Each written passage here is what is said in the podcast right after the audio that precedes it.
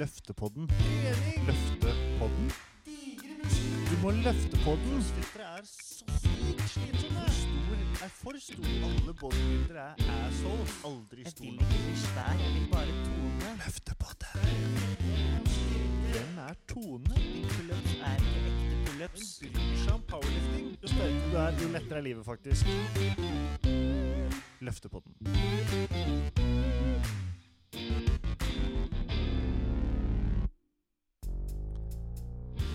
Hei og hallo, og velkommen til en ny episode av Løftepodden fra Quad Training.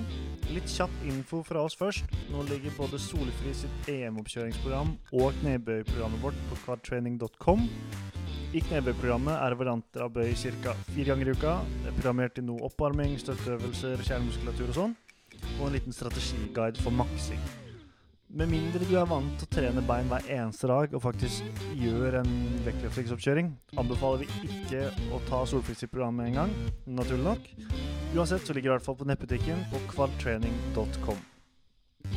I dagens episode har vi et gledelig gjensyn med Marte Elverum, som fikk lurt med seg landslagstrener i styrkeløft Lars Sandøy. Vi snakker om hvordan styrkeløft har utvikla seg både på utøver- og trenersida siste åra, hvordan han jobber med utøverne, Marte sine planer for VM i Stavanger, genetikk og løfteproporsjoner og masse, masse gøye ting. Håper du liker den. Vi snakkes! I dag har vi eh, ja, er Dårlig OK, dårlig intro. Jeg prøver til. Hei og hallo, og velkommen til en ny episode av Løftepodden. I dag har vi med oss eh, Marte Elverum og Lars Samnøy. Velkommen skal dere være. Tusen takk. Takk. Uh, det aller, aller, aller første jeg tenkte jeg skulle påpeke i dag, var at uh, du, Lars, du er fra Sande i Vestfold. Selvfølgelig. Det er jo styrkeløftens mekka det her i Norge. Det, altså, Jeg skjønte jo ikke det før det hadde gått en stund. Jeg er jo også fra Sande i Vestfold, faktisk. Ja, jeg trente jo på klubben ganske lenge før jeg skjønte at det var en styrkeløftklubb, jeg også. Så det, det, har kanskje ikke profilert seg Ja.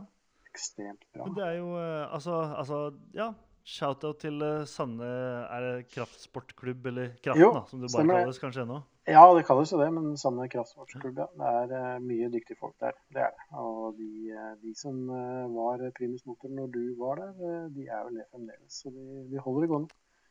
Det er stilig. det er stilig. Kul, eh, kul plass, der jeg tok mine første meget spede benkpressforsøk. Med sikkert 10 cm klaring mellom stanga og kassa. Og supersmalt grep og alt som hører med når du er 14 år og skal Ja, gjøre benk. Vi skal jo ha en eh, ny episode med pod. Det er jo derfor vi er her. Du har jo vært med en runde allerede, Marte. Har du, fått noe, du har fått noen tilbakemeldinger, sikkert? Ja, da har jeg fått masse referanser som jeg ikke har tatt. Eh, Det er ikke lett å holde kontroll på alt man eh, sier sjøl, så jeg må nesten gå tilbake og høre på den uh, sjøl, faktisk. Sjøl om det Det- er litt forferdelig. Det, ja, det, ja, det burde du faktisk gjøre. Men jeg tror vi kan ta en liten, vi kan ta en liten introduksjonsrunde, bare så folk eh, får litt sånn konsept på hvem dere er. Vil du, ha lyst til å begynne, Marte? Ja, det kan jeg jo gjøre. Um, styrkeløfter har vært det nå i eh, 13 år, begynner det å bli. Eh, konkurrert på landslaget i ti av dem. Um, og har av meritter så har jeg jo vunnet NM hver gang jeg har stilt, bortsett fra én gang. Eh, og junior verdensmester med utstyr og uten utstyr. Og noen kongepokaler og eh, verdensrekord i markløft. Eh, ja, det er sikkert en del andre ting òg, men det er liksom høydepunktene, da. Og så har jeg vært, på, vært trent av Lars da i mange, mange år. Så har du vært med på World Games òg. Ja, det har jeg, ja. Stemmer det. Er Verdt å nevne. Ja, det er ikke så greit å ha kontroll på alt. Jeg har vært med på mye. World Games, er det noe, er det noe annet enn eh, VM? Det er jo vårt Ja, Ja, Martha, ta det. Ja, det er som Lars begynte å si, da, det er vårt OL, da, på en måte. For eh, oss som ikke er med i den eh, eh, i o Som ikke er OL-gren, så er vi i World Games. Og det holdes eh, året før eller etter OL? Kanskje du Eh, bedre, Lars? godt spørsmål. Jeg tror Iallfall eh, ikke samtidig med OL, da. Nei. Men det er vel en eh, Jeg vet ikke hvor mange idretter det er. Flere hundre idretter som er med, sikkert. Mm. Veldig stort. Stilig. stilig. Ja, Lars, du kan overta løftestafettpinnen. Ja, nei, jeg har ikke løfta all verden, men jeg holdt på fra 2000. Begynte jeg med styrkeløfta og konkurrerte veldig mye fram til 2004. Og rakk å være med på nordisk. Det er egentlig høyeste nivå jeg har vært og konkurrert på. Og så begynte jeg som regionstrener i 2005 og fikk muligheten til å hjelpe en del av de gode veteranløfterne i klubben. Og fikk litt erfaring der. Fikk lov til å være med på veteranmesterskap, da, EM og, og, og VM. Og så ja, var jeg veldig heldig. Kom inn i et godt miljø og ble kjent med mange av de utøverne som var på juniorlandslaget. Eh, Bo André Bergan, Joakim Linseth, Jørgen Hansen, Erik Fredriksen altså, og Marto var jo også med, med der i den samme gruppa.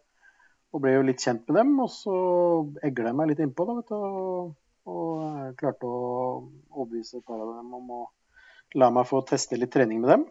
Og så klarte de å kvalifisere seg på landslaget. og så var det akkurat i overgangen hvor eh, Jørgen Haug, som var juniorlandslagssjef, skulle trappe ned. Eh, Og da fikk jeg lov til å ta over det vervet han hadde. Eh, Og så har det ja, jobba med juniorlandslaget fram til 2018, vel. Fra 2011. Og så tatt over da eh, på, på seniornivå etter det. Eller åpne landslag etter det. Fra VM eh, 2018. Rett og slett. Landslagstrener for styrke... Ja, eller landslagssjef. Vi altså, har jo mange trenere på, på landslaget. Ja, riktig. Hvordan, hvordan er på en måte Hvordan er Styrkeløft-Norge organisert eh, sånn sett? Vi snakka litt om Marte jeg snakka i den episoden vi gjorde om litt den veien du kunne gå, og hvordan man jobber seg oppover i systemet og sånn. Men hvordan, hvordan er eh, si, hvordan er eh, kongeriket Norge delt opp i forhold til styrkeregioner og alt det der? Ja, nei, vi har jo eh, Vi prøver jo egentlig å, å legge opp et system hvor, eh, hvor de yngste har et litt sånn eh, Altså de har noen krav som ligger litt lavere, men det er allikevel Du må jo vise et visst potensial. Så hvis du kommer inn på et regionslag, så får du tilbud om å bli trent av en regionstrener. Og disse regionstrenerne ønsker også å ha med da, på internasjonale mesterskap som, som coacher. Da. Så de er jo viktige brikker for oss på landslagene. Eh, Så det er ofte den veien man går. Man kommer inn på et regionslag, gjerne som ungdom, og kvalifiserer seg for nordisk. Og så blir man gjerne aktuell for EM, og så VM. Så det er, den, det er mange som går den trappa. Og så har vi de som kommer inn selvfølgelig eh, utenom også. Eh, det skjer jo, men veldig mange har egentlig gått veien fra et regionslag inn på, på juniorlandslag, og så fortsatt fram til det åpne landslaget. Så vi ønsker jo å ha med utøverne over tid.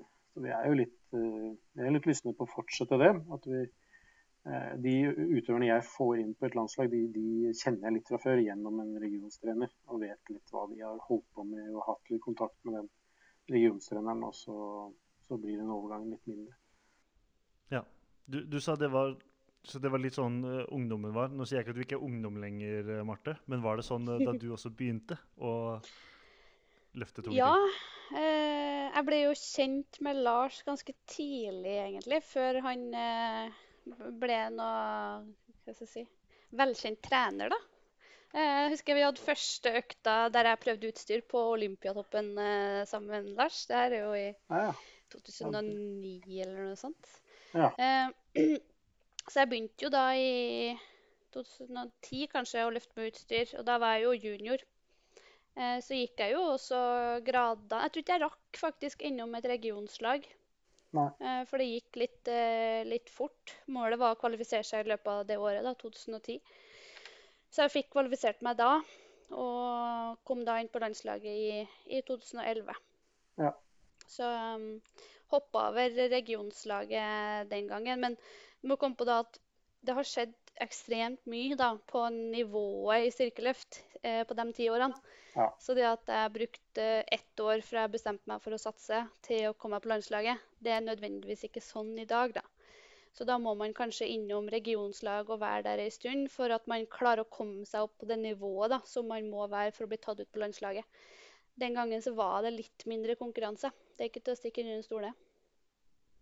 Sant. Hva, det er jo litt sånn Apropos hvor lang tid det tar og fra man bestemmer seg til man kan komme seg inn. Det er jo ofte selvfølgelig et spørsmål om eh, hvor sterk er du, og hvor mange kilo kan du løfte. Men hvor, hva er det ofte det vanligste som trenerne begynner å gå inn og jobbe med teknisk og sånn? da? For det er jo Hvis det bare hadde vært et spørsmål om muskelstyrke, så hadde jo, hadde jo ikke man trengt trenere på samme måte. Jeg tror det ligger mye på, på disiplin. Det handler om å lære å trene. Du må, må ikke nødvendigvis gå på en maks hver uke. eh, Og du trenger ikke det mest avanserte programmet sånn helt fra børjan. For du vet ikke hvilken klasse du ender opp i. Du vet ikke hvilken, eh, altså hvilken konkurranseteknikk du vil bruke. Så det er veldig lurt å trene litt allsidig fra starten av. Og så, og så ta, ta, la det gå den tida du trenger, da. Ikke, ikke begynn med de Altså, vi gjorde veldig mye feil. Med, eh, altså, det har jo skjedd mye med det har skjedd veldig mye med styrketrening og, og forskning. Altså det, den eneste forskninga som har vært gjort i Norge, har jo stort sett vært utholdenhetsprega. Uh, mens, mens, nå på verdensbasis så er jo styrketrening er jo uhyre populært. Uh, og det smitter også over på oss, for det er veldig mange som da undersøker eh, baseløftene. Det er jo de løftene vi driver med. Knebøy, benkløs, markløft. Det er liksom øvelser som er anvendelige for veldig mange. Det er litt lettere å lære enn f.eks. rykk og støt. Og, det går jo veldig mye mer på maksstyrke, så det kan være enda mer relevant for, for eldre og, og, barn som egentlig skal tåle den inaktive verden de lever opp i. Så det handler litt om disiplin. Det å lære å kanskje trene med litt altså, Trene opp muskelmassen, trene forskjellige øvelsesvarianter. Og så heller eh, akseptere at mellom disse her toppene, det er de spennende testene, sant, hvor du gjør en du øker styrken din, du måler styrken din, så må du liksom legge et grunnlag, du må gjøre et arbeid imellom. Så Det er mange som vil hoppe rett inn i det at de vil bare vite hva maksstyrken er hele tiden, eh, og pushe den videre. Og hvis du begynner med styrkeløft når du er 25, du har holdt på med ja, du har vært aktiv, da. Du har vært en friidrettsperson.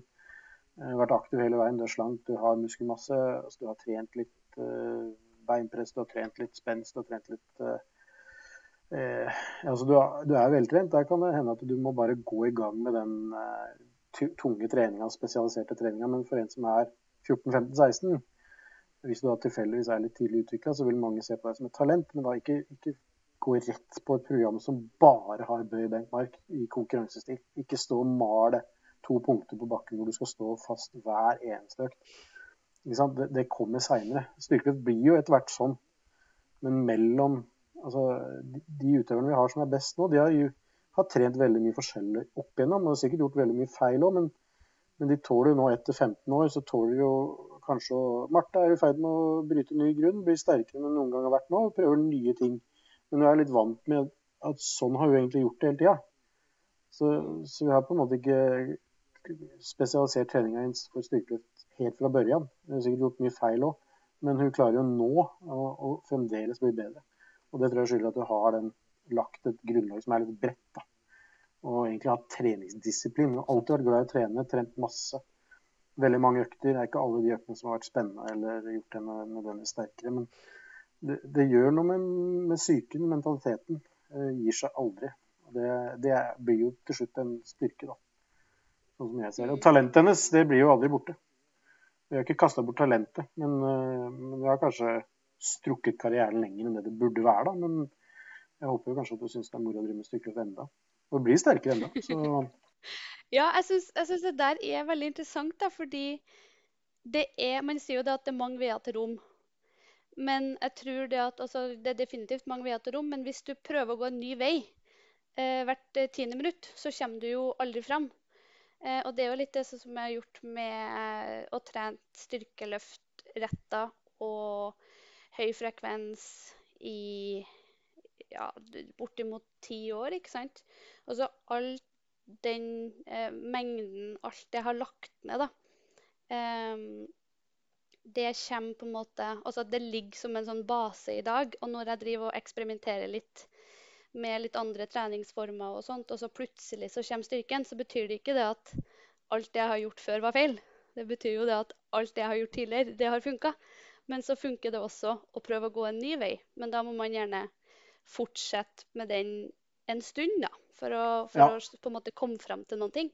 Og det er jo det som har vært veldig fint med korona, hvis man skal få lov til å si at det har vært noe positivt også. Ja, ja. Det at man har hatt tid, ikke sant? For vi har jo mesterskap etter mesterskap, og du må liksom bare jakte nye kilo, da.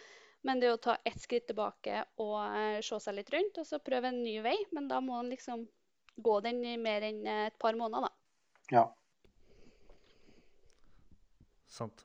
Det er jo eh, Altså, når du, når du går i gang, da, og når du skal altså, Vi er litt, litt inne på det som jeg hadde tenkt å ha som tittel på denne episoden her. Det er bare 'Hvordan blir du sjukt sterk?' uh, et sted å begynne kan jo kanskje være å si sånn hva, hva er et greit sted å starte hvis du går inn i, i et treningsstudio av noe slag og skal endelig ta mot deg og bort til stanga for første gang, og du tenker nå har jeg lyst til å prøve disse prøve baseløfta osv. Hva, hva går du i gang med? Hva passer du på når du starter? Jeg ville jo egentlig tatt eh, den investeringa det er da, å, å møte opp i en klubb eh, og prøve å trene med andre styrkeløftere. Eh, det er jo utrolig mye Altså du lærer utrolig mye av å se andre gode løftere. Det å komme inn i et miljø, det kan være den beste investeringa du gjør. Så er det selvfølgelig eh, altså Nå finnes det jo mange gode guider på netto, hvordan man gjør baseløftene. Og eh, parallelt når du trener, altså hvis du begynner med styrkeløft, så kan du jo selvfølgelig trene opp muskulaturen gjennom andre øvelser i tillegg. For du bør på en måte ikke altså det er lett å, For en nybegynner så fungerer det jo veldig bra å ha den progressive oppbelastninga. Det er mye fokus på det. Men når du skal lære knebøy, benkløft, markløft, så bør du heller bruke mye tid på å varme opp eh, med stanga. Altså gjøre bevegelsen eh, med stanga. Altså du, du trenger ikke å tøye og strekke så mye, men du kan gjøre så dype knebøy du klarer, og kjøre good mornings. altså Bli god på det helt grunnleggende. God på en hoftehengsling og god på det å sette rumpa i bakken liksom, uten å uh, cave noe sammen. da. Eh, og det å lære for En styrkeløfter som du ser bare på YouTube, som gjør bare maksløft, da ser du teknikker som de tåler. Som de gjør på eh, 2% av løftene i løpet av et år. Da. Det er klart, da, da, da, må du mobilisere. Du skal på maks. Du skal, du skal jo gå til limiten din. Så på en konkurranse, det er på en måte ikke representativt for det en utøver gjør hver eneste dag. Og eh, det å legge stanga veldig langt ned på ryggen og på en måte få veldig mye belastning ned på håndleddene og albuene og sånne ting. Det at du ser styrkeløftere har surret stramme håndleddsbind, de har belte, de har varmere. Eh, Det er ikke sikkert du trenger det de første årene. Altså det, benkpress, Du gjør ikke noe feil i benkpress hvis du klarer å løfte benkpress uten håndleddsbind. Så Det er en faktor du ikke trenger å tenke på. Du tenker at du, du skal gjøre en, en Du må sørge for at du gjør benkpress f.eks. Da må du i hvert fall sørge for at du har en brystmuskulatur som tåler det å, å komme helt ned til brystet. Og sammen med knebøy. Du er nødt til å, å være dyp nok. Det er ikke noe vits å spekulere i 2-1 godkjente løft. altså så Du er akkurat på grensa. Så kjør det heller dypt. og Begynn med nakkeknebøy, begynn med frontbøy, begynn med rykkbøy. De tre øvelsene vil lære deg veldig mye. Så kan du heller, altså Overgangen da til styrkeløftknebøy er, er enkel. Eh, som du begynner med sumo eller klassisk markløft, det spiller ingen rolle. De to kan, begge deler bør trenes. Du bør ta annenhver gang i starten. Og benkpress, der bør du, eh, bør du selvfølgelig øve på det å spenne deg opp. eh, I hvert fall det lille minimum som alle bør klare, da. Hvor du i hvert fall får pakka skulderbladene på plass. Så begynn med det. Så tren styrke. Altså tren, så du, tren litt kroppsbygging på brystmuskulatur, skuldermuskulatur, triceps, setemuskulatur. Gjør ikke noe om du tar med masse glute bridge og hip trust parallelt med teknisk øving i knebøy. Men gjør det som supersett. Kan begynne med rykkbøy.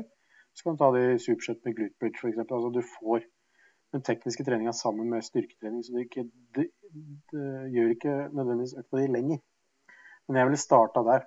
Og så heller tenke at eh, du skal prøve å ikke tenke sånn som en styrkeløfter gjør når han, han eller hun skal løfte maks av alt det hun klarer. ikke sant? Du må bare tenke at du skal, du skal stimulere muskulaturen, den relevante muskulaturen. Kvadricepsmuskulaturen din må bli sinnssykt sterk når du skal være styrkeløfter. Du må være veldig stabil i kjernemuskulaturen din. Eh, Du må ha sterke trapesius, du må ha sterke skuldre, sterke triceps, sterk brystmuskulatur, sterk setemuskulatur, sterk hamstring.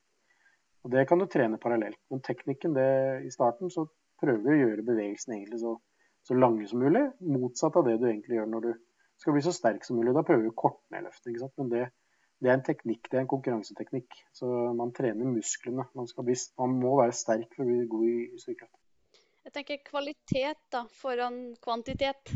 Ja. Kort og godt oppsummert, egentlig. Altså, der skjer veldig mange som kommer inn eh, og har liksom alt det her på plass. ikke sant? Det, det nyeste utstyret og feteste beltene og det lakkerte sko omtrent, ikke sant?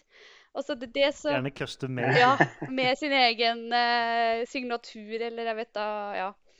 Altså, det er liksom alt er på plass, da, men så ser du personen løfte, og så ser du bare Nei, nei, nei. Her er det ekstremt lavt teknisk nivå. da. Altså kvaliteten er så dårlig. Så fokuser på det grunnleggende, og heller tenk alltid kvalitet foran kvantitet. Det spiller ingen rolle på hva, hva som er på stanga i, i starten. For det er sånn som Lars sier, at hvis du ser på mine maksløft, liksom, så er det jo noe som svikter. Men det er jo i maksløft, gjerne i konkurranse, der det er liksom Drar du det her, så er det gull. Du slipper ikke stanga da for at du kjenner at du begynner å krumme litt, ikke sant? Sånn at, men du skal ikke bruke det som et sammenligningsgrunnlag. Nei, sant. Det Så i- invester i en løftetrener før løftebeltet, rett og slett. Ja, Ja.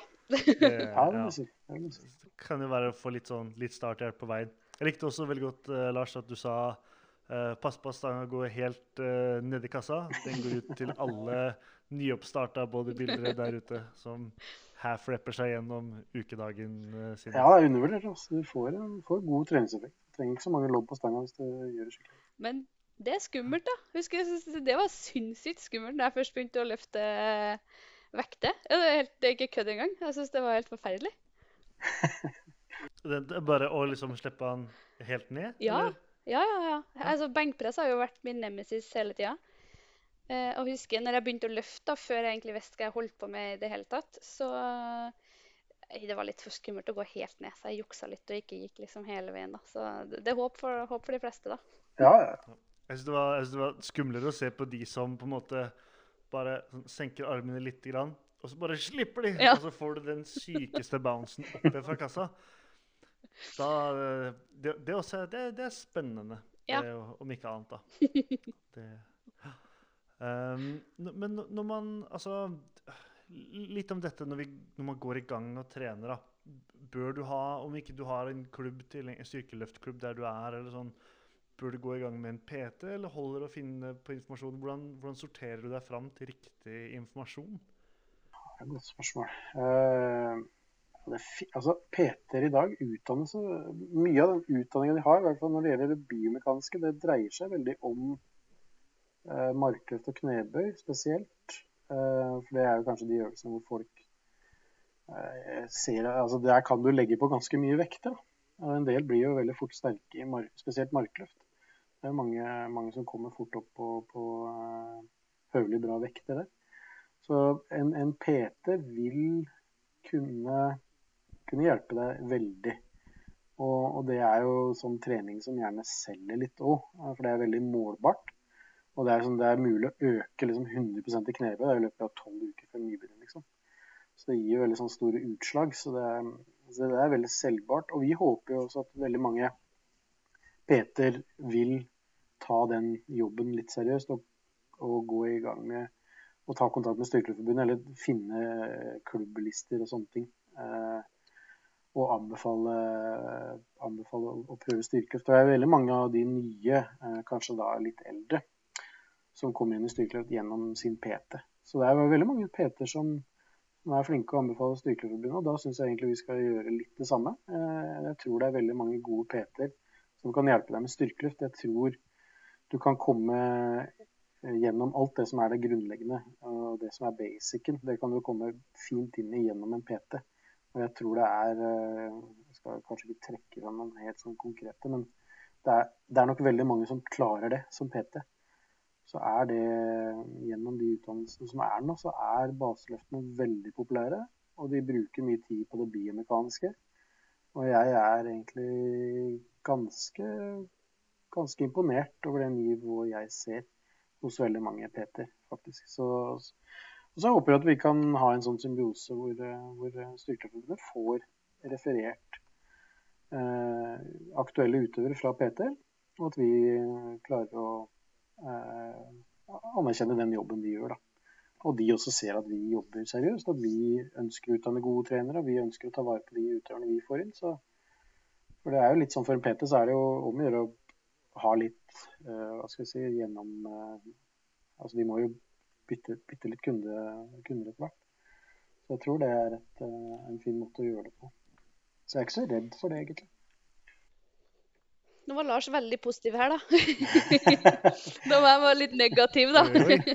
Nei da, det er, Lars har nok veldig rett i at det er veldig mange gode PT-er, men det er jo noen dårlige òg, da. Så jeg vil jo bare gi et lite sånn tips til dem som trener med en PT. Gjør litt research. Mm. Sjekke litt altså, om de har um, Om det du på en måte får da, av teknikkveiledning og oppfølging og sånt stemmer overens med det du kanskje ser på YouTube. Um, og så bare gjør litt sånn litt eh, kvalitetssjekk på egen hånd også, hvis man har måte ambisjoner om å, å bli bedre i de baseløftene. da. Eh, men stort sett så er jeg veldig enig i at eh, nivået på Baybank og markkompetanse i, eh, i hele Norge har bare eksplodert. da. De siste fem, seks, sju årene, egentlig. Nå tror jeg også at nesten, nesten alle de landslagsløfterne vi har nå, er jo aktive på Instagram og Facebook og YouTube eventuelt. Og, og jeg tror veldig mange av de er veldig flinke til å besvare, besvare tekniske spørsmål. Og, så det er klart de kan rettlede veldig. Og oppleve som at det er en en gjeng som er lett å få kontakt med. Eh, Marte, du får vel mye henvendelser hele tida, tenker jeg. Det kan vel være kan vel være Ja, det er litt div. ja, men, det er, eh, men du har jo også stilt opp og holdt mange kurs uh, sjøl òg, så de løfterne vi har, er, er, jo veldig kapable til å, til å kjøre kursing, de òg. Så mm. det går an å prøve å gå den veien og være litt frampå og spørre om uh, det finnes noen uh, løftere som, er, som bor i nærområdet, som kan hjelpe til med det tekniske. Så er det mange av de som stepper opp og gjør det, og de gjør det på en veldig god måte. Dette er jo løftere som stort sett trener alene. Når du er på landslaget styrkeløft, så trener du stort sett alene. Du, det du kan, det har du på en måte lært deg sjøl i veldig stor grad. Så det, det, er mye gode trenere i løfterne vi har, heldigvis. Mm. Du sa noe litt spennende i forhold til dette med å finne informasjon og sånn på på, på, YouTube og liksom, sosiale medier og sånne ting, Marte. Um, det, er jo veldig mye tilgjengelig der ute for nybegynnere, og veldig mange som er spesielt gode på akkurat det, for bredden er stor, og det er mye god informasjon tilgjengelig. Men hvor går du når du liksom, Sånn som uh, når du prøver å liksom, jobbe gjennom et nytt platå, eller er liksom stuck, hvor, hvor leiter du etter ny, ny, kunnskap? Eller er det eksperimentering det går i, eller hvordan ser det ut? Ja, det er et veldig godt spørsmål. Jeg tror jeg bruker veldig mange ulike kilder. Um, og bruker den kompetansen vi har i styrkeløft. Og um, sånn som Lars sier, da, at vi er veldig mange utøvere som trener alene. Og så gjør vi oss våre egne erfaringer der vi er, ikke sant? og så deler vi det kanskje ikke uh, så eksplisitt. Så det å spørre litt andre løftere, men også i det siste nå, så har jeg på en måte basert treninga mi på det jeg har sett fungert for andre utøvere som jeg konkurrerer imot. da. Og kanskje sett litt sånn OK, hva det jeg gjør i forhold til dem, uh, kan jeg prøve å gjøre litt i den retningen der? Vil det funke for meg? Og så rett og slett eksperimentere litt, da. Men det er jo fordelen man har når at, uh, sånn som jeg, når jeg har holdt på i veldig, veldig mange år. Så kjenner jeg på at jeg har litt sånn kritisk uh, sans, da, og hva som funker og hva som ikke gjør det. Um, så, så, det å på en måte drive og eksperimentere i alle retninger når man er fersk, vil jeg egentlig ikke anbefale. For da skal du på en måte holde deg til til basics og ikke overkomplisere ting. da. Jeg føler at i dag så blir alle sammen verdensmestere omtrent første gang man, eh, man er på gymmet, ikke sant? Eller på en klubb, da. At man blir veldig fort profesjonell. Men eh, bruk den der startfasen når man har progresjon nesten uansett hva man gjør. ikke sant? Og ikke se seg vill på YouTube og Instagram og alt mulig rart. Sant? Det, det er nok et veldig, veldig godt tips, og det fins nok av si, Det fins jo nok av folk der ute som ønsker først og alt å, å selge egne programmer framfor å øke et kompetansenivå. Så det er kanskje noe også med det at man okay, være litt obs på hva som er hovedformålet, kanskje. Trene personer, eller se om man klarer å få, uh, få en slags føling for det da, etter hvert. Men det også har jeg på en måte inntrykk av at mye av det norske eh, løftemiljøet er det, det er lite, da. Og det er lite rom for å drive og kødde rundt med sånt, kanskje. Ja, det vil jeg tro. Ja, nå er det veldig mange som er Jeg tror utøverne de ser jo litt hvem som, eh, som er best. Og det er jo, det er jo en idrett som, som er eh, altså Du må ha noe genetisk ved deg òg. Alle blir ikke nøyaktig like gode, men det er klart du kan jo oppnå veldig gode resultater nesten uansett hva slags utgangspunkt du har. Men de aller beste, de, de, eh, det er nok ikke bare programmet som har gjort dem så gode. Det er, det er ofte noe iboende hos utøverne. Ehm, så er det jo opp til dem å, å finslepe det. Men, eh, men det, er, det, har nok gått litt mer vekk fra det programfokuset. Det er mer Hvis man er en trener som er flink til å støtte opp og motivere og eh, være mer til stede, så, så vil man lykkes bedre. Så det, den, den, nye generasjonen trenere som vil komme, er flinkere på å se den 24-timersutøveren. Ikke nødvendigvis bare skrive ut et veldig veldig detaljert program og bare sende det og bare uh, være hard på at utøveren skal kjøre det og tenke at okay, hvis, vi, hvis, utøveren gjør det, så, så, kan jeg garantere han eller hun det resultatet. Men, men, en trener i dag uh, er nok flinkere på mindre, altså mer varsom på de tingene enn det, det mange styrker kanskje har vært tidligere, og meg selv inkludert. At det er, det er ikke bare tall. Selv om det er veldig målbart, så er så må man være en sånn menneskekjenner som trener òg. Så det, det, vil ikke fungere å bare prøve å selge et program og, si, og trekke fram én utøver du har hatt som har klart å oppnå ett resultat med ett program. Den utøveren kan jo være så talentfull. Selv om den gjør en rekord, så kan jo den kanskje klare det enda bedre med et annet program. Altså Det vet man jo ikke. Men utøverne i dag er såpass smarte at de ser at det kreves enda litt mer for å lykkes i, i styrkeløft. For det er eh, man må ha et veldig talent, men da må man jo ha noen rundt seg som klarer å eh, være til stede på alle mulige andre ting også. For Trening er som regel ganske lett for en styrkeløfter, men det er eh, monotont, det er tungt, du har vondt. Så du må ha en sånn person rundt deg som, som klarer å backe opp på en litt annen måte enn bare å sende program. Da. Så jeg tror eh, det som er løsningen for styrkeløft, er å bare sørge for at eh, at det tekniske som det er å skrive et program, for det handler mye om litt eh, Enten så har du en app som er en fordel, eller så har du litt kompetanse på, på programmering i et eller annet verktøy. Så hvis man da bare senker den barrieren, at det ikke er en teknisk eh, barriere, at du bare sørger for at nok trenere som faktisk kan være til stede én til én sammen med utøver i lokalet Hvis det kommer flere sånne trenere inn som ikke blir lenka foran skjerm, så vil utøveren også bli bedre. For det er en god styrketrener, en som kan være der Eh, til stede face to face. Altså. Den treningspartneren du har, også, eller treneren du har, som er sammen med deg på trening, det er en veldig viktig støttespiller. Så vi har jobba veldig remote, sånn som det er nå i styrkeløft. Men, men, det å senke barrieren og få inn flere trenere som ikke må sitte foran skjerm hele tiden, det vil, vil være et pluss for utøveren, tror jeg. da. Så det, det kommer ikke inn noen som selger et program. Det, det, er ikke det som er det viktigste for en styrketrener i dag det har kanskje vært det, men uh, utøverne er ikke roboter. Og, og du, uh, du, som trener vet aldri at du har det optimale programmet for de neste tolv ukene. Altså, det må endre seg. Det er veldig, veldig interessant det, det, du sier der, Lars. For det, det, det, summerer opp litt sånn uh, utviklinga vi har hatt i styrkeløft de siste årene, egentlig. Og mye etter, etter Lars har tatt over som landslagstrener. For jeg har jo fortsatt litt den der tankegangen innplenta at uh, styrkeløft, det er Excel. Og Excel regner hvor mange reps gjør du i løpet av et år. OK, eh, si du gjorde 1000 reps da, det året. Ja, mm. men da må du jo gjøre eh, 100 mer neste år. Og ja. hvis du gjør det, så blir du bedre. Mm. Men så er det jo ikke så enkelt. Altså, er, kroppen er mer komplisert enn et regneark. da. Sånn at eh, man må, som Lars sier, at du Vi er ikke roboter. Man må lytte til kroppen og stole litt på sin egen intuisjon også.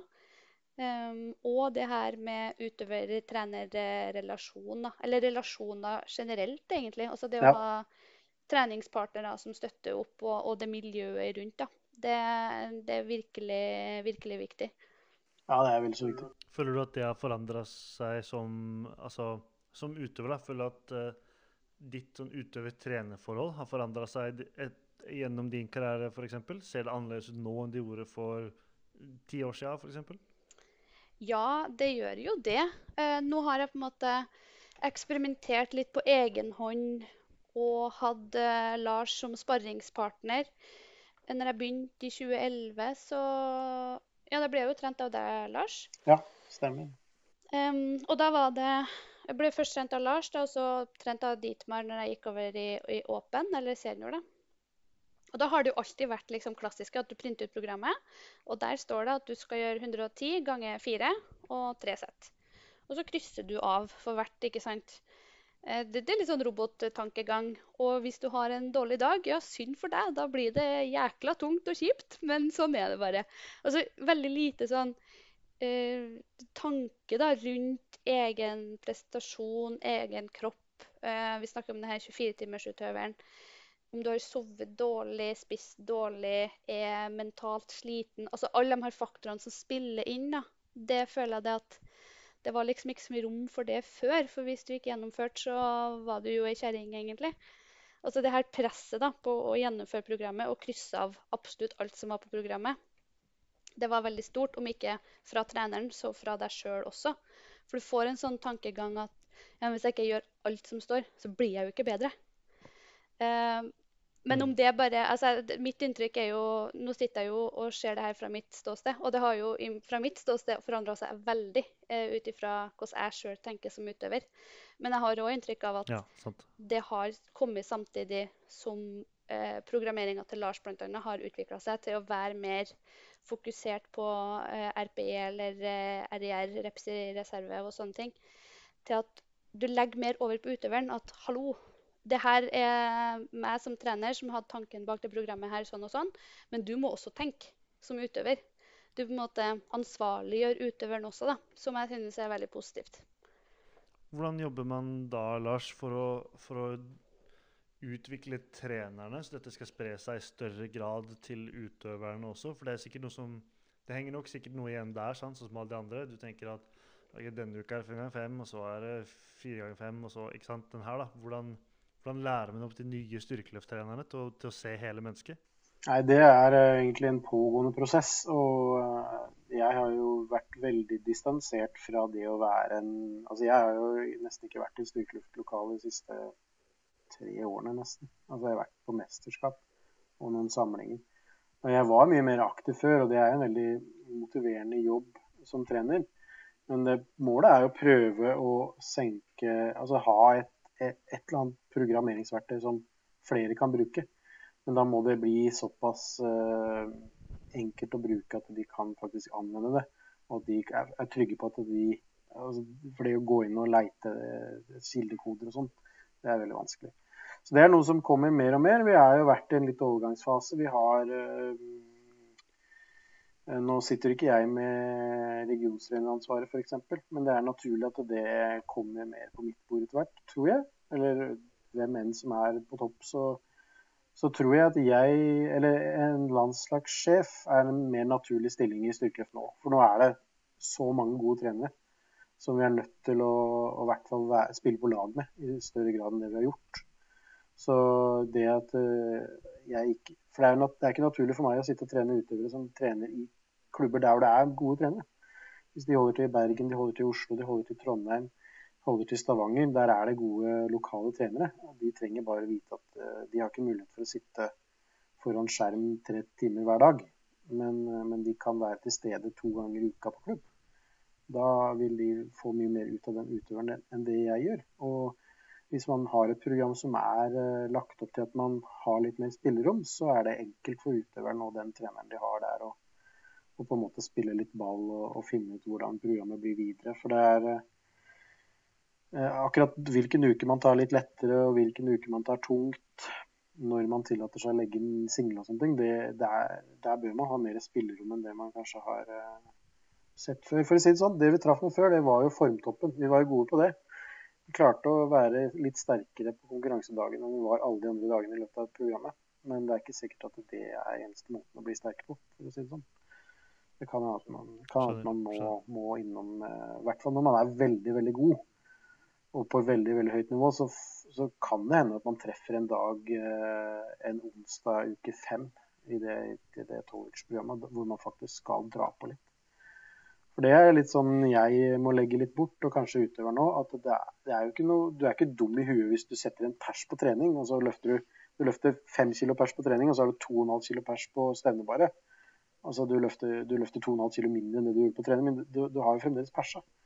Det, sånn, det, det, det, var litt sånn før at du var litt sånn framme med pekefingeren. Nei, nå blåser du toppformen. Men, men, det er ikke så enkelt, da. Det er flere måter å legge det på. Kjenner du, eh, kjenner du igjen det, Marte? Sånn dette med stressen for liksom formtopping og alt dette her? Ja. Nå har jeg vært litt sånn merkelig utøver å formtoppe, da. Jeg føler aldri at jeg faktisk har hatt en sånn veldig formt opp. Jeg har jo som regel vært sterk i mengde og liksom kan løfte en pers helt ut av det blå, egentlig. Um, så uh, det der er veldig, veldig merkelig. Og som jeg nevnte på sist podkast, at det har persa mange ganger etter fylla òg, Så, så det er liksom ikke noen fasit, da, fordi det er så vanskelig å få med alle de her uh, parametrene.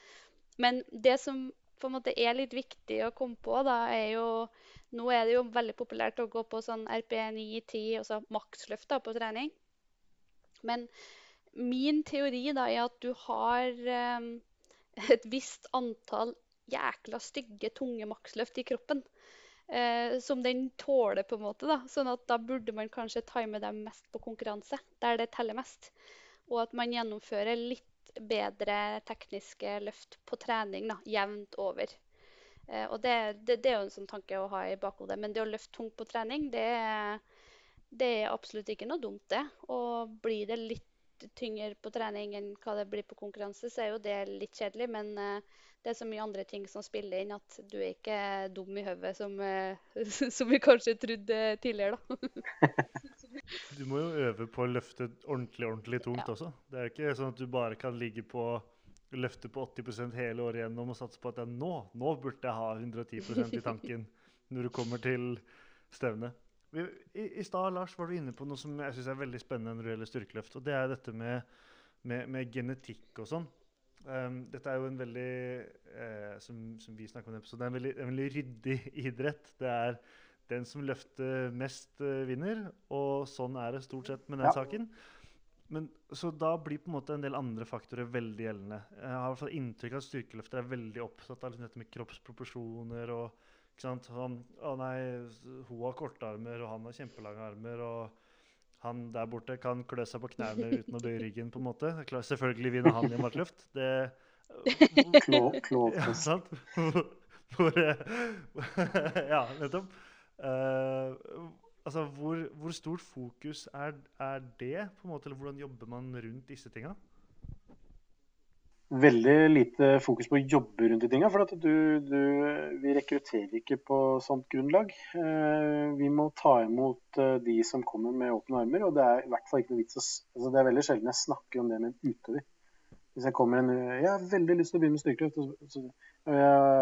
Med tynne håndledd og veldig lange armer og du ser en 15-åring på gata med sjukt lange armer som løper etter han. Bare, Har du gjort parkløfter? før?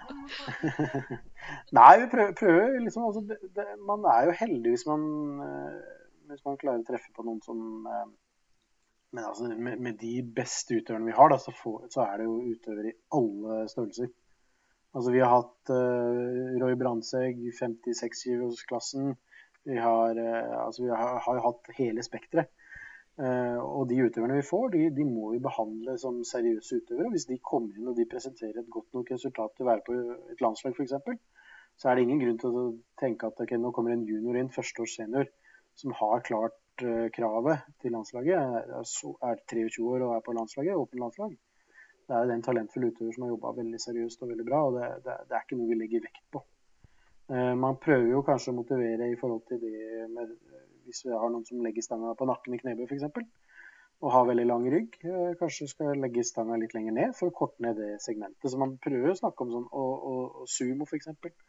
Kanskje ha litt korte armer, så er det kanskje bedre å stå sumo. Så man prøver jo selvfølgelig å gjøre sånn, komme med sånn tekniske endringer for individet, men man snakker ikke med individet som at den personen aldri kan bli god i benk. Eller den personen kan aldri bli god i bøy. Eh, Man må jobbe med det, de utøverne man har. Og så, og så ser man jo gode knebøyere som er tilsynelatende lange, har lange lårbein. eh, og er liksom radmager i den klassen. Høye. Ja, Marte f.eks. er en veldig habil knebøyer. Så, så det, er, eh, det er ikke noe vits å legge de føringene på utøverne. Og så er det de spede forsøkene som har blitt gjort uh, på å se på liksom, om det finnes en, en kroppstype som er veldig veldig godt egnet for knebøy f.eks., eller veldig godt egnet for marked, så er det vanskelig å finne det. da. Man, uh, man kan kanskje tenke at det, jeg, altså jeg tenker det at det finnes noen som kanskje har noen, noen fordeler, uh, men det tar lang tid. Altså, du må fremdeles bli uhorvelig sterk. Og, og eh, ja, det er ikke der vi legger fokus. Vi må ta de utøverne som kommer, og prøve å gjøre de Da er det trenerens, trenerens jobb da, å finne øvelser som passer, og teknikker som passer. Vi tar, vi tar det vi får, vi. vi får veldig mye bra men det løsninger. vi, men det vi er veldig gode på, da, Lars, det er jo å optimalisere. Altså, vi, vi, vi, si, vi stuer ikke bort det faktum at jeg har lange armer. Men hvordan skal jeg optimalisere det i benk? I markluft så er det jo veldig lett. Ja. Da er det jo helt konge. Ja. Men så har jeg jo en benk da, som har holdt meg tilbake i, i karrieren sånn sammenlagt. ikke sant? Hva skal man gjøre med det? Hvordan skal vi jobbe med det? Hvordan skal vi jobbe med vinklene jeg faktisk har? Men der må eh, du ha ikke- gjort uh, veldig mye grep fra junior til senior. For benken din den ble jo, bety altså, den ble jo nesten umiddelbart veldig mye bedre. Og du ble jo en sånn habil benker som senior veldig tidlig, selv om du hadde røket ut flere ganger som junior. Så det var Ja, en stor det- forskjell. Så der, der jobba du Der tok du grep. Ja, det, det har jeg fortsatt å gjort òg, så det Jeg var på, til informasjon til Lars, da, som var på 170 benk eh, til kloss da, Ja, ja. eh, i helga. Så det går, det går framover. ja Virkelig, altså. Eh, og det er liksom sånn, men det er litt sånn det mentale med det også. Med at ja, du har lange ermer, og du, du er jo dårlig benk. Mm. Altså, det blir på en måte et, sånn, eh, et faktum, da. At du kan aldri bli eh, så god i benk. Men jeg kan jo alltids bli bedre enn hva jeg har vært. Ja. Altså, man må på en måte snu om litt, da. Ah, og ikke bare ta det som et sånn vedtatt faktum at Æsj, den blir jo aldri noe bedre uansett. Ja. Altså, da, Man kan ikke gi opp, liksom. Altså, Den benken min har jo alltid vært en sånn forferdelig nemesis. Og vi har fått hørt, altså, Jeg har jo rykket ut, og det har vært helt forferdelig, og den har vært svak og alt mulig rart. Og så har jeg fått hørt liksom fra noen Når jeg begynte å trene i Stavanger, da, så var det liksom sånn Oi, men jeg er faktisk litt overraska. Du, du tar jo benk seriøst. Du prøver jo. Og jeg bare Å ja, OK, det er det folk går rundt og tror, liksom at jeg ikke prøver engang. Jeg har prøvd veldig mye, men det har bare ikke gått. Tenk Så- så sånn alle som sitter hjemme og ser på liksom, ja, ser deg gjøre benk på Eurosport, og så bare sånn Faen, du prøver jo ikke engang, jo. Liksom Bare gi opp. Nei, så det har vært en, en helt forferdelig lang prosess, da. Men det som Mm. Lars sier, at man kan ikke gi opp eh, fordi om man bare ikke har funnet den riktige veien, da. For å si det sånn. Jeg tror det, jeg tror det er noe som alle som jobber, eller alle som trener generelt, har lett for å gå i den fella. For genetikkspørsmålet er på en måte så veldig stort. Så når du Mm. først begynner å åpne den der, hvis du finner én unnskyldning til at eh, du er ikke så god i benk, så finner du fort noe til noe andre, og så ser du folk som har på en måte sånn derre eh, sant? Eh, Genetikk som er bare sånn gudeprogrammert for absolutt alt i hele verden. Og da er det ikke noe vits å begynne å løfte noe som helst, fordi du kommer aldri til å bli så god. sant? Men spørsmålet er ikke hvor, hvor nære de som har det beste genetiske utgangspunktet du kan komme. Det er jo hvor god kan du bli med de forutsetningene du har. Og det er stort sett så mye bedre enn folk flest tror, har jeg en følelse av. da. At Mm. du liksom ikke gidder å jakte din egen grense, på et vis. Det tror jeg helt Ja, og det hadde jo, det hadde jo blitt eh, det hvis at jeg på en måte har bare vedfinner meg med det faktum at banken benken min er dårlig, den og kommer alltid til å være det. Eh, da hadde det jo ikke blitt noe bedre heller, for da hadde, jo, hadde jeg jo gått inn i hver benkpressøkt med den holdninga og tenkt at æsj, det får bare gjøre det, liksom, fordi at det må gjøres. Men på en måte gitt opp og funnet, funnet en løsning, da. Og det har jeg jo holdt på å lete etter i 13 år nå. Føler at det kanskje begynner å løsne snart, da. Noen omveier, men det ja, det er veldig imponerende. Det er jo litt det du snakka om tidlig med de nybegynnerne nå, Det handler om å liksom For du har jo du har jo på en måte bygd videre på Du har ikke forkasta helt den teknikken du hadde for fem år siden, liksom. Men du har jo lagt sten for sten. Mm. Så du har jo hele tida blitt noen prosenter bedre, da. Så får man jo avkastninga litt sånn i rykk og napp, da. Når du, når, når du starter og liksom eh, Kanskje man ikke har en trener med en gang, og sånne ting, så programmerer man jo gjerne for seg sjøl. Eller man finner programmer og tester en, en del. Ehm, den balansen mellom å overprogrammere for seg sjøl og underprogrammere, på en måte aldri komme videre. Hvordan jobber man vil, vil du kanskje si noe først der, Marte? Hvordan jobber man rundt det med å lage sin egen programmering? For det tror jeg er vanskelig for mange, Det er veldig vanskelig. Og meg selv inkludert. Ja. meg sjøl inkludert også. Så um, her gjelder det, tror jeg, å, å, å ha gode sparringspartnere. Altså ring en venn, rett og slett. Få litt Altså bruk film, iallfall. Altså film løftene dine. For jeg, kan, jeg er veldig dårlig på å dømme mitt eget løft. Eh, både i positiv og negativ retning, egentlig. Um, sånn at man prøver å være litt sånn objektiv. Og be noen, hvis du har andre løftere på, på gymmet som forstår det her med RPE eller reps i reserve osv., og, og så få dem til å se på et løft, og så spør du hva vil du si det var? Og så får du et svar, og hvis det korrelerer med det du hadde planer om, så OK, ja, men kanskje på riktig retning. Og så går man derfra. Men hvis du, hvis du som utøver, eller du som trener, da, tar et sånn standardprogram, og så plotter du inn dine ønskemakser i det programmet, så går det fort litt galt. Den, altså den løfter litt for tungt, da. Går glipp av eh, progresjon på den måten. Så gjelder det jo å stikke fingeren i jorda og eh, evaluere seg sjøl kontinuerlig, egentlig. Um, men jeg vet ikke, hva er verst, Lars? Løft altfor mye tungt eller altfor mye altfor lett? Nei, jeg kan jo si de største tabbene som jeg har gjort i veldig mange år, det er jo å ha altfor mye øvelser. Uh, og utøveren vet aldri hva den øvelsen helt spesifikt skal gjøre. Og så vet de ikke egentlig hva er, hva er et bra nivå. Og så har de ikke noe forhold til den øvelsen. Så jeg har ikke vært flink nok til å legge opp et løp hvor du på en måte Du, du må jo hele tida måle deg sjøl mot det du skal gjøre i konkurranse. Så hvis du har ti forskjellige knebøyøvelser, og så føler du at det, går bra i fire av dem, og så har resultatet i konkurranseøvelsen har kanskje ikke gått eh, oppover. Så må man jo begynne å forkaste. ikke sant? Men det, det, for en nybegynner så må du som utøver, hvis det er ett råd jeg kan gi, så er det at utøveren bør vite hva er min én RM i dette øvelsen, eller i hvert fall estimat, et veldig, veldig realistisk estimat. Du må vite 5 RM, 6 RM. Uansett, hvis du trener med treere, så må du jo vite hva har jeg gjort tidligere. Og hva var utviklingen på hovedøvelsen. Altså Hvis du trener masse frontbøy, og så blir du 20 kg sterkere frontbøy, men du øker ikke et gram i vanlig bøy når du kommer på konkurranse, så er det ikke sikkert det er øvelsen for deg. Men så kan det hende at du kjører benk, f.eks. Så har du masse åttere i benk med stopp. Og så ser du at du blir sterkere én RM av det. Det hender jo det. Så kan det hende at du faktisk er en utøver som re- responderer bra på litt høyere repetisjonsantall. Og så er det motsatt fall. Hvis du bare kjørte masse single en periode, så ble du sterkere av det. Ja, da må du gjerne fortsette med det. Så for en utøver, velg færre øvelsesvarianter i starten.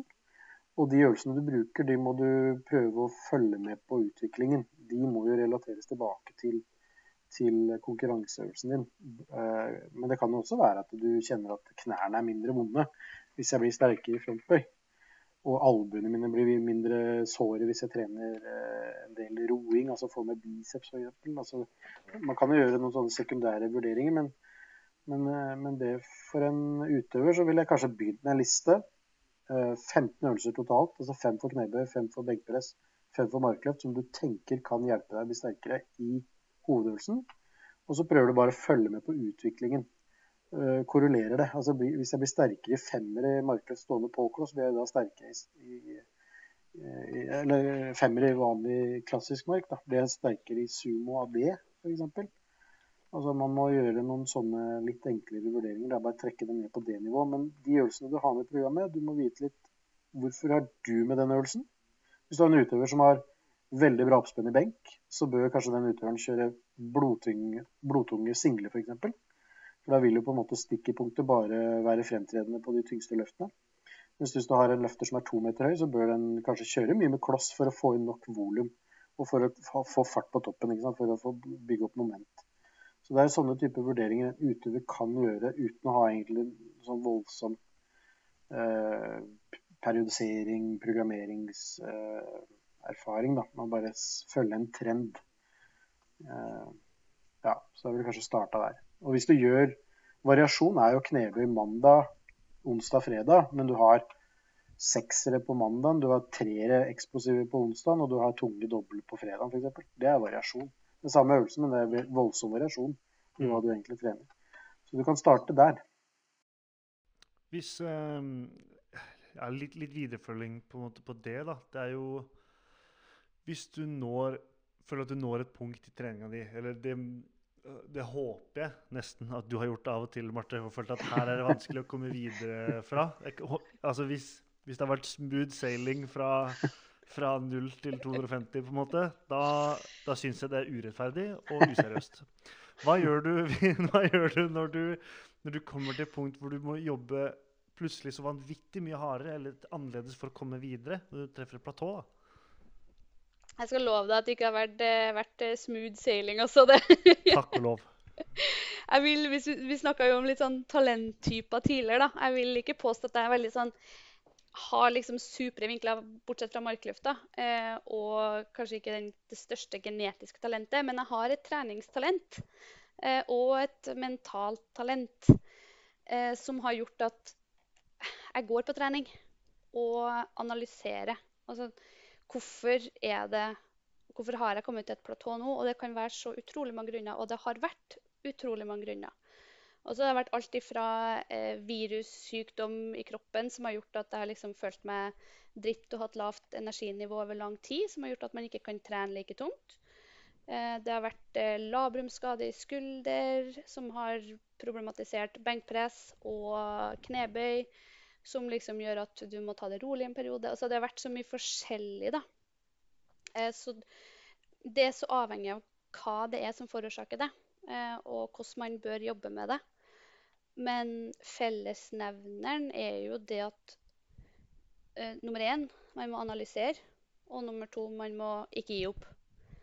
For gir du opp, så er du jo, da er du jo ferdig uansett. Men eh, det her med å, å, sitte ned og virkelig analysere hvorfor er det sånn, eller du vet jo kanskje ikke det alltid eh, helt automatisk, men at begynne å se litt på mulighetene for at det kanskje har blitt sånn. Er det, er det psykisk? Altså er du liksom sliten på andre områder enn trening? Eh, er det overbelastning? Eh, har du rett og slett valgt feil øvelser? Har du feil trener? Har du feil på en måte um, dialog med treneren? Er det misforståelse? Altså det er så, det er så mye faktorer. Uh, så det å begynne å nøste opp i det er nok første punkt.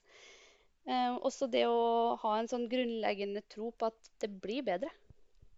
Sant. Det er jo sikkert eh, Det er viktig å ha når man ofte kan stange mot veggen og sånn. da. Uh, det, var, det var kanskje deg, Lars, som nevnte liksom dette med sånn sticking points og sånn. Fins det noen sånn definisjon på hva er det, eller hvordan jobber man typisk rundt det? da? Det møter man jo alle styrkegrener. Ja, det er jo noen norske forskergrupper som jobber mye med det. Stian Larsen bl.a. sammen med Roland van eller hva er det han heter. Jeg vel navnet hans litt, men det, eh, og Seter, eh, Seterbakken, som har jobba mye med det. Eh, det er jo ikke en egentlig er jo ikke et utstudert eh, sånn som jeg kjenner litteraturen, så er ikke det utstudert hva eksakt et stikkepunkt er. For det varierer med øvelse. Om du er utmatta, kan jo variere med muskelfibertype, kroppsproposisjoner og sånn. Så det er veldig individuelt. Men det er jo en, en fase av løftet hvor det blir uproporsjonalt tyngre. Altså du vil begynne å eh, Altså det vil være en, en bremsing av stanga. Så etter at du har begynt den konsentriske fasen, så begynner du å bremse. Når et minimumpunkt, og så akselererer du igjen. Så kurven blir jo lettere. Så det er eh, gjerne, gjerne der hvor du er eh, dypest nede i knebøy f.eks. Og, eh, og i starten av markløft og i starten av benkpress.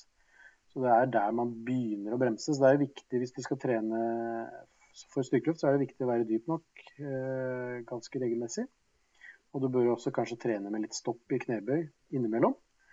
Eh, og i benkpress så bør du også trene med god stopp, kanskje litt ekstra lang stopp. Kanskje holde stanga aktivt i bunn f.eks. For, for å bli eksplosiv nok fra starten. Men stikkepunktet vil variere for, eh, for utøvere. Noen vil få det høyere oppe.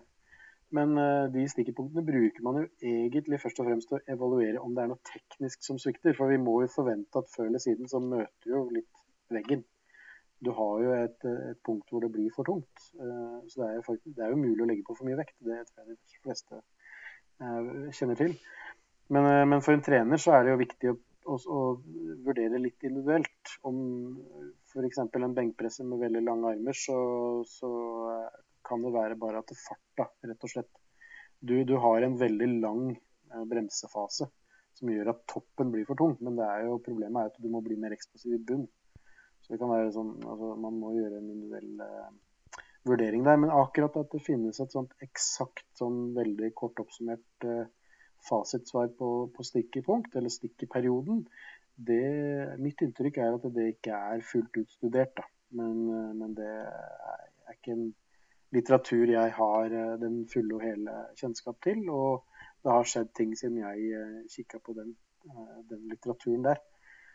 Så det, det, det studeres mye i, i, i, norske forskergrupper. Du får sende de, send de til Løftepodden og si at de må komme og lære meg om det. Ja, men dem stiller dem. Stian Larsen kan name-droppe med en gang. Veldig produktiv type. Veldig positiv. Veldig, veldig, veldig interessert i styrketrening. Og en veldig oppegående fyr som, som er eh, veldig interessert i å gjøre et dypdykk ned i litteraturen og bli så, så dyktig som man overhodet kan bli. Så det er absolutt en eh, aktuell gjest. Og trønder. Og trønder, ja. og trønder. Det viktigste. Jeg må nok, jeg må nok uh, passe på at vi ikke overskriver trønderkvota. Altså. Uh, nei, jeg var ikke det. Var ikke det. Bare, det er kjekt å ha flere sannesakninger, bare. Det er liksom litt styrkefjes her, styrkefjes der. Og, jeg må nevne Olav Bomo òg, han er jo trønder, han òg. Så da blir det enda. Trønder, ja. Trønderpod kommer.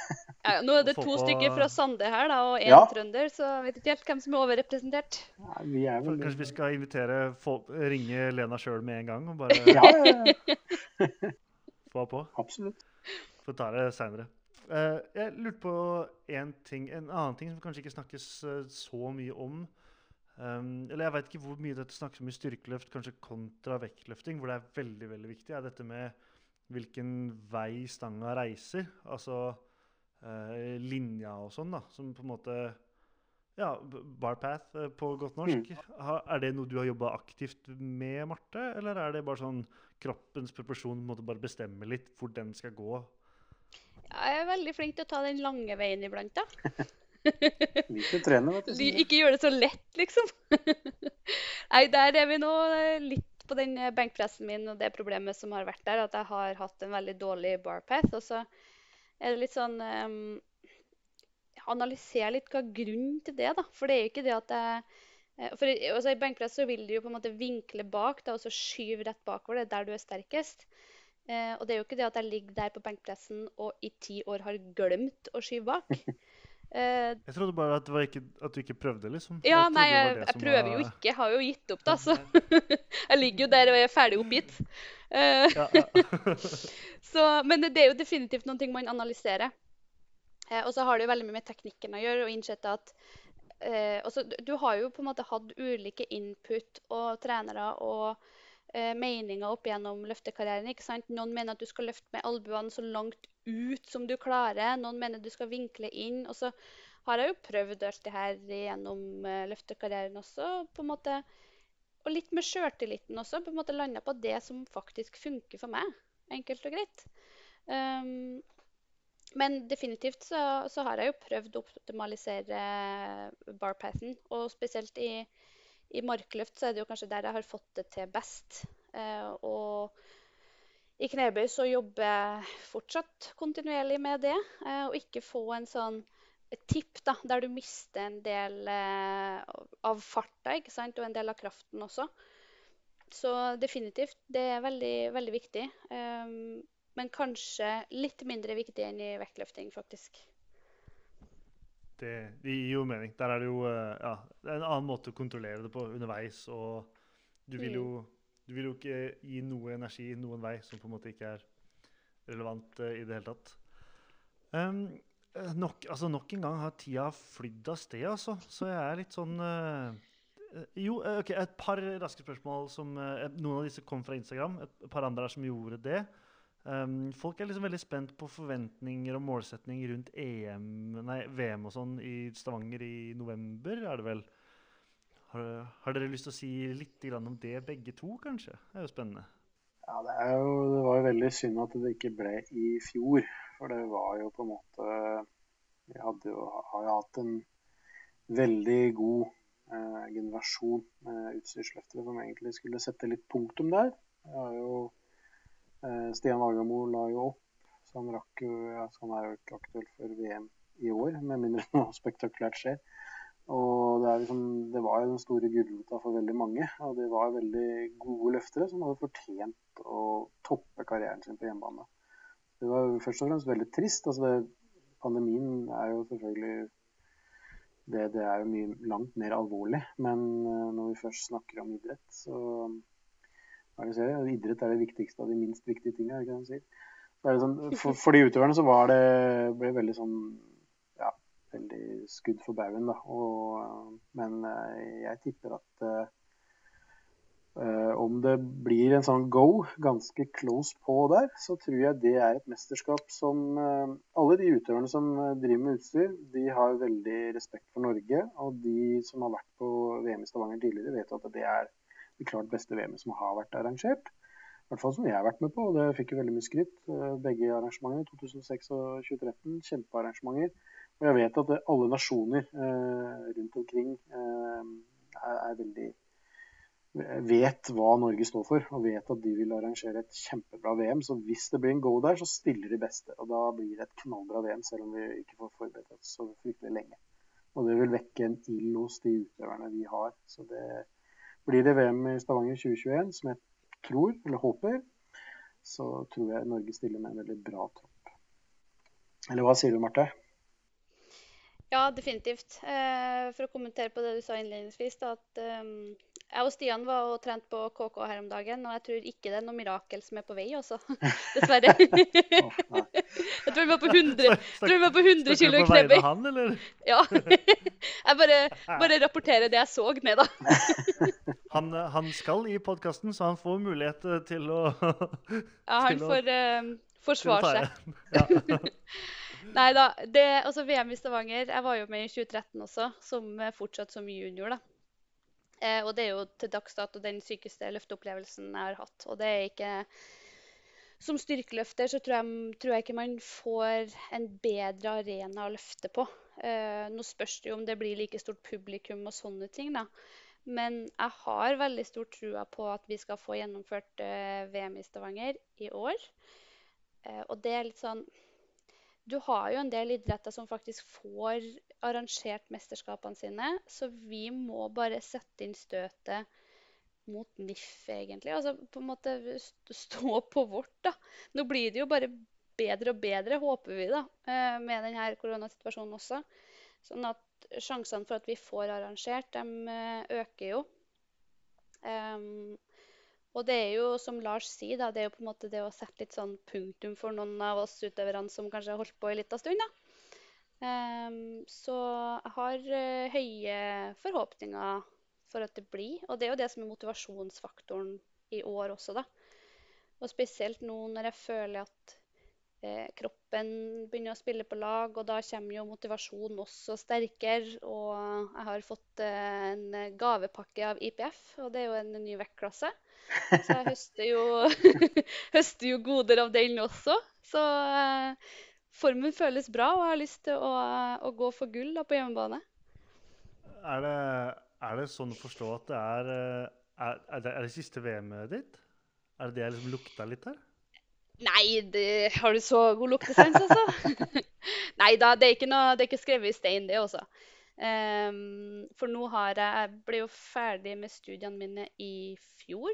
Uh, og er nå i 100% jobb. Og har veldig stor frihet da, og fleksibilitet. Og ser at det funker bra med det å være landslagsutøver også. Um, så nå på en måte ser jeg det at det går an å satse sjøl om jeg er i, i, full jobb. Og det forlenger jo kanskje karrieren eh, litt også. For det kommer jo noen World Games og flere ting som skal løftes på osv. Så, videre, og så, videre. så eh, skal, ikke, skal ikke skrives i stein. Men du på en måte, du får ikke jeg får nok ikke et VM i Stavanger i karrieren min igjen. for å si Det sånn. Det blir på en måte den siste sjansen sånn sett. da. Mm. Det, uh, det, er veldig interessant. Altså, man har også hørt om at ja, de tingene som har arrangert her hjemme, har vært uh, noe av det beste. Det samme sies det jo om det uh, ja, vektløftermesterskapet som var i Førde ja. oppe hos Stian Grimseth. Sånn. Er, vi, er vi gode på liksom, Hvorfor er vi gode på å arrangere styrkeløftmesterskap her oppe? på en måte? Og samtidig liksom, kan vi være litt kanskje dårlig på miljøet og utveksling og små. bare sånn, har vi, har vi fokus på en rar plass der, eller hva tror du om det? Nei, jeg tror vi har et uh, styre som jobber seriøst. Uh, og det er godt organisert, uh, det som er alt av søknader og frister og den type ting. Vi fikk jo en million fra Stavanger kommune for å arrangere VM i Stavanger. Og det er den, den komiteen som sitter der, som er, er, ansvarlig for det og har sørga for det. Så vi har et profesjonelt apparat i bånn. Styret jobber veldig strukturert, veldig bra. Og vi ser sterkere ut av den grunn, fordi vi er alltid fremme i eh, Når det er noen eh, ja, når NIF skal dele ut midler f.eks., så er vi flinke til å, til å, få på plass det. Og vi får jo stipend til utøverne våre, så vi blir jo tatt seriøst. Eh, vi vet at vi, selv om vi er små, så ja, vi har i hvert fall et, en bra struktur på topp med styret, som har gjort en god jobb. Så ja, jeg, tror, jeg vet ikke hva mer jeg skal legge til der. Det er typisk norsk å Nei, jo, typisk norsk å være god. det, Kanskje altså, jeg ikke er men, norsk? jo, men sånn internasjonalt sett så, så, er jo Norge en nasjon som klarer å få til ting. Sånn at det at vi klarer å, å få til mesterskap uh, ut, utover på en måte hva skal jeg si, standarden, det burde jo nesten være forventa av oss. Altså, hvis vi begynner å dra det inn litt lenger, da, med tanke på mye korrupsjon i idrett og sånne ting man har i andre land, eh, der pengene kanskje ikke går dit de skal, da, så gjør de jo i det minste det i Norge. Iallfall i styrkeløft. da, Jeg vet ikke om jeg skal mm. snakke for hele NIF, men det, får, det, får, være en annen sak. For uh, ja, vi, ja vi, vi, brenner den brua når vi kommer dit. Er ikke det de, det, det de pleier å si? Uh, lurer på, altså, Marte, du har jo faktisk knust både én og to uh, treningsmyter her før. Så denne gangen skal du få Du har litt å gå på. Lars, derimot, har jeg en utfordring til. Har du en treningsmyte som du har lyst til å knuse for oss på tampen her? Ja, det har jeg tenkt mye på, egentlig. Og, og det, det, er ikke sikkert det er så, så mye å knuse mytene. Det kan være at det er mer enn noe som har oppstått mer eh, bare i den lille verden eh, jeg har levd i. Da. Men det har vært veldig med tanke og fokus på at, må, at det er veldig skånsomt eh, å trene veldig, veldig mye. Altså, Du må hele tida trene med høy frekvens, og du må trene stort volum. Og så har det liksom vært Myten går egentlig ut på at det er veldig mye mer belastende å ha noen tunge løft enn å ha en lett økt med litt volum. Og, og, det er jo egentlig et bilde som har snudd seg. Man ser egentlig mer stressrespons av en eh, økt med mer volum. Nå er det riktignok hvis du går til utmattelse på volumøkta og du gjør det samme med de tunge, tunge vektene. Men, men, for styrkeløfter så er det positivt. at du, du kan tåle å trene relativt tungt. Eh, og det er ikke sikkert det er noe mer eh, voldsomt for kroppen enn å trene med stort volum. Så det er sånn, Volumtoleranse er jo veldig individuelt. Så Marte var jo litt inne på det med, med, med tidlige programmer, at det var veldig viktig at vi skulle ha x antall reps i løpet av et år. Men da må du putte veldig mange faktorer inn i det, det, det bildet der. Altså, da må du være Nostradamus hvis du skal klare å spå eksakt hvor stor økning i volum den utøveren tåler. Og den trappa det går jo bare et visst punkt. Eh, etter hvert som man blir veldig mye sterkere, så er jo volumet veldig prega av styrken din. Hvis du løfter 200 kg i knebøy istedenfor 100 hele veien på treningsvektene, så blir jo fort treningsvolumet veldig veldig stort hvis du har samme antall rep som du gjorde tidligere. Så det er jo kanskje nærmest jeg kommer knuse en myte, er at det er eh, For en styrkeløfter er det naturlig at en del økter, da er det en del tunge løft. Og det går jo i perioder. Man må jo koble det av. Man må jo ha perioder med lettere trening òg. Men, men, en styrkeløfter er trent for å, for å løfte tunge vekter, og bør også trene en del uh, tyngre vekter på trening. Og det er ikke sikkert at man må nødvendigvis ha knebøy fire ganger pluss i uka for å bli best i knebøy. Det kan man kan klare seg med to og tre. Skjønner. skjønner. Um, hadde akkurat en, en innspilling nå uh, forrige uke hvor vi snakka med Thomas Eide, uh, treneren til Solfri Koanda, som dere kanskje har fått med dere på Insta de siste ukene, som tok ja, vektløftere. Ja. 200 i bedroppe, som gjør ja. jo bøy seks-syv eh, dager i uka. og det er sånn, Man blir jo ja. uvel av å tenke på, på de tinga der. Men eh, ja, det, det, er veldig, veldig, interessant. Det er, så mange det er mange forskjellige veier til rom da, hvis du, hvis du gidder å gå hele tida, på en måte, som ja. du var på i stad, Martin. Så er det jo mange, mange vektløftere som gjør eh, f.eks. de har eh, volum Altså de de gjør f.eks. maks tre reps. da, og Hvis de bruker mer enn x antall sekunder på å fullføre de tre repetisjonene, så går de ned. Så de har, Når du driver med vektløfting, så trener du mer for power. Så du har jo mer en sikkerhetsventil der, at du kan bruke stanghastigheten eh, som en veldig sånn clear cutoff. Men for en, nei, for en styrkeløfter så må du faktisk eh, altså Muskelfibrene dine blir også spesifikt sterkere på hastighet. Så du må jo trene også på at løft går seint du prøver å akselerere den samme så fort det går, men den må også gå seint. Så enten må du løfte nær eh, null RIR, eller så må du legge på ganske tunge belastninger. Det må du gjøre relativt regelmessig. Så mm, det ser man kanskje i Jeg vil tro at det kanskje er en sånn ting som har feila litt i benkpress. Eh, kanskje opplever at eh, det er litt å gå på på nivåmessig benkpress kanskje. Det kan jo skyldes at man ikke tør å trene med de, de sakte, sakte, løftene. Det er jo, man føler jo da at man tøyer strikken, men det kan hende man må, må, gjøre det innimellom. Og det er ikke sikkert det er så belastende for utøveren hvis man ikke har et samtidig veldig stort volum og veldig høy frekvens. Altså Man må, må jo se de tingene i sammenheng. Jeg tror vi kan uh, gi oss der, egentlig. Det har jo uh, Altså igjen, tida fyker jo av sted. Uh, Tusen hjertelig takk for at dere har vært med i uh, Løftepodden. Uh, Selv takk. Og så håper jeg at uh, kanskje jeg kan få snike med et lite, et lite styrkeløfttrenerkurs. Ikke trenerkurs, men et lite styrkeløfttime neste gang jeg er hjemme i Sande. Det hadde vært veldig hyggelig. Det er lenge siden jeg har fått jobba noe særlig i praksis, og det er en viktig, viktig del. Så jeg stiller gjerne ja, men det er, det er bra. Trenger litt uh, oppfriskning. Sånn, du, du, får mye, mye, å jobbe med. Jeg skulle også forresten uh, Dagens siste spørsmål er vel omtrent uh, retorisk, hvis jeg leser riktig. Det er jo fra Carl Sommerseth, aka Sterkepetter. Hvor jækla bra er det at Carl Sommerseth kommer til B30? Og da Jeg vet ikke om dere vil hva, hva dere vil si på det. Jeg vil jo foreslå at dere drar dere ned hit istedenfor, da. Ned til, ned til B30. Ja. Der er det jo Jo, jo, jo, det er Vi må øve oss på, på, eh, teknikken først. Carl Petter sitt utstyr òg, vet du. Hit. Så her er det masse å bryne seg på. Både styrkeløft og strongman og crossfit og body fitness og ja, så, masse jeg, forskjellig. Jeg har vært så gående i ryggen nå, veldig lenge nå. Og Så har jeg bygd store snømenn og så prøvd å løfte de som litt sånn steinløft. Og det har uh, vært bra for ryggen. Så jeg tenkte jeg skulle prøve meg litt ja. steinløft snart. Kanskje, kanskje, litt sånn snømannløft? Ja. ja. Jeg, tror vi gir oss, uh, gir oss der for i dag.